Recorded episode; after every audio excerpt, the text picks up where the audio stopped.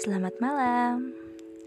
Cerita kali ini aku akan membawakan dongeng sebelum tidur yang berjudul Tidak Punya Musuh.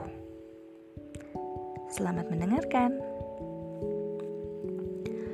Zulkarnain adalah salah seorang raja yang termasyur pada masanya.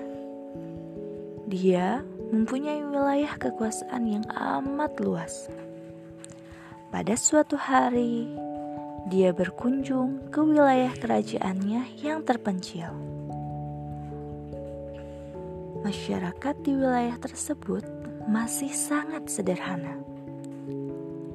Tiba di wilayah itu, Zulkarnain mengirim utusan untuk memanggil kepala suku. Saya tidak punya kepentingan apa-apa dengan raja, kata kepala suku kepada utusan Zulkarnain. Kalau raja mempunyai keperluan denganku, biarkan saja dia datang ke sini. Utusan itu menyampaikan jawaban kepala suku kepada Zulkarnain. Ternyata Zulkarnain tidak marah mendapat jawaban itu. Dia kemudian mendatangi kepala suku.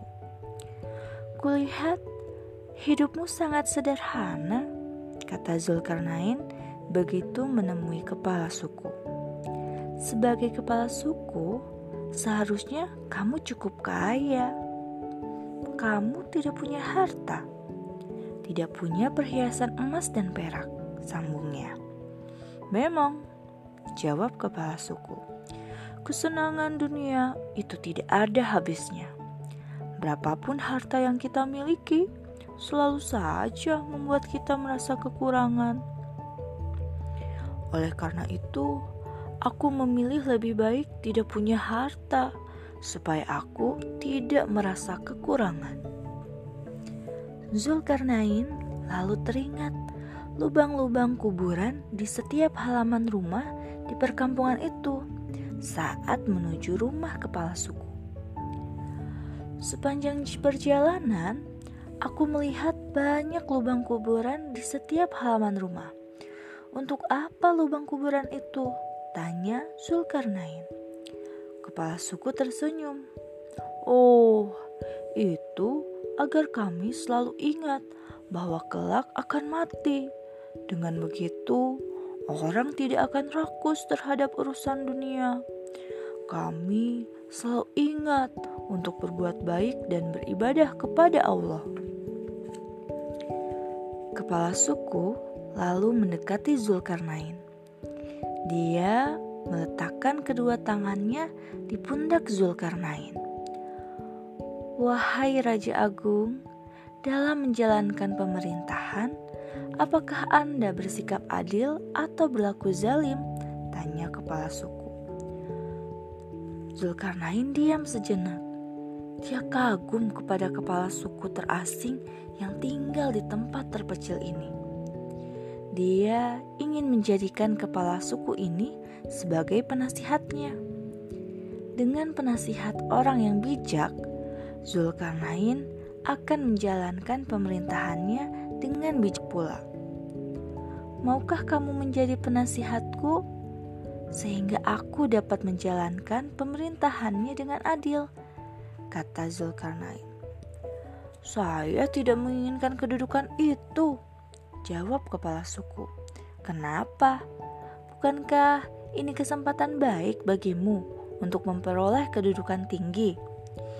Hmm, banyak orang yang menjadi musuh banyak orang yang menjadi musuh Anda karena Anda mempunyai kedudukan tinggi, kata kepala suku. Berbeda dengan saya, karena saya miskin dan berkedudukan rendah, orang tidak memusuhi saya, tidak merasa iri terhadap saya. Saya bersyukur dengan apa yang saya miliki, meskipun hanya sedikit. Hmm, Zulkarnain makin kagum kepada kepala suku itu. Apa yang dikatakannya benar. Zulkarnain mempunyai banyak musuh karena dia berkedudukan tinggi. Semakin tinggi kedudukan, semakin banyak pula musuhnya. semakin banyak orang iri dan dengki kepadanya. Nah, pesan dari cerita ini adalah jika kita menjadi pemimpin, sebaiknya kita mengetahui segala risikonya, sehingga suatu saat kita akan siap menghadapi resiko yang akan kita lalui dengan lapang dada. Bagaimana ceritanya hari ini? Seru kan? Mudah-mudahan Dongeng sebelum tidur kali ini menjadi dongeng yang bermanfaat untuk kita semua. Terima kasih bagi yang sudah mendengarkan. Selamat malam. Wassalamualaikum warahmatullahi wabarakatuh.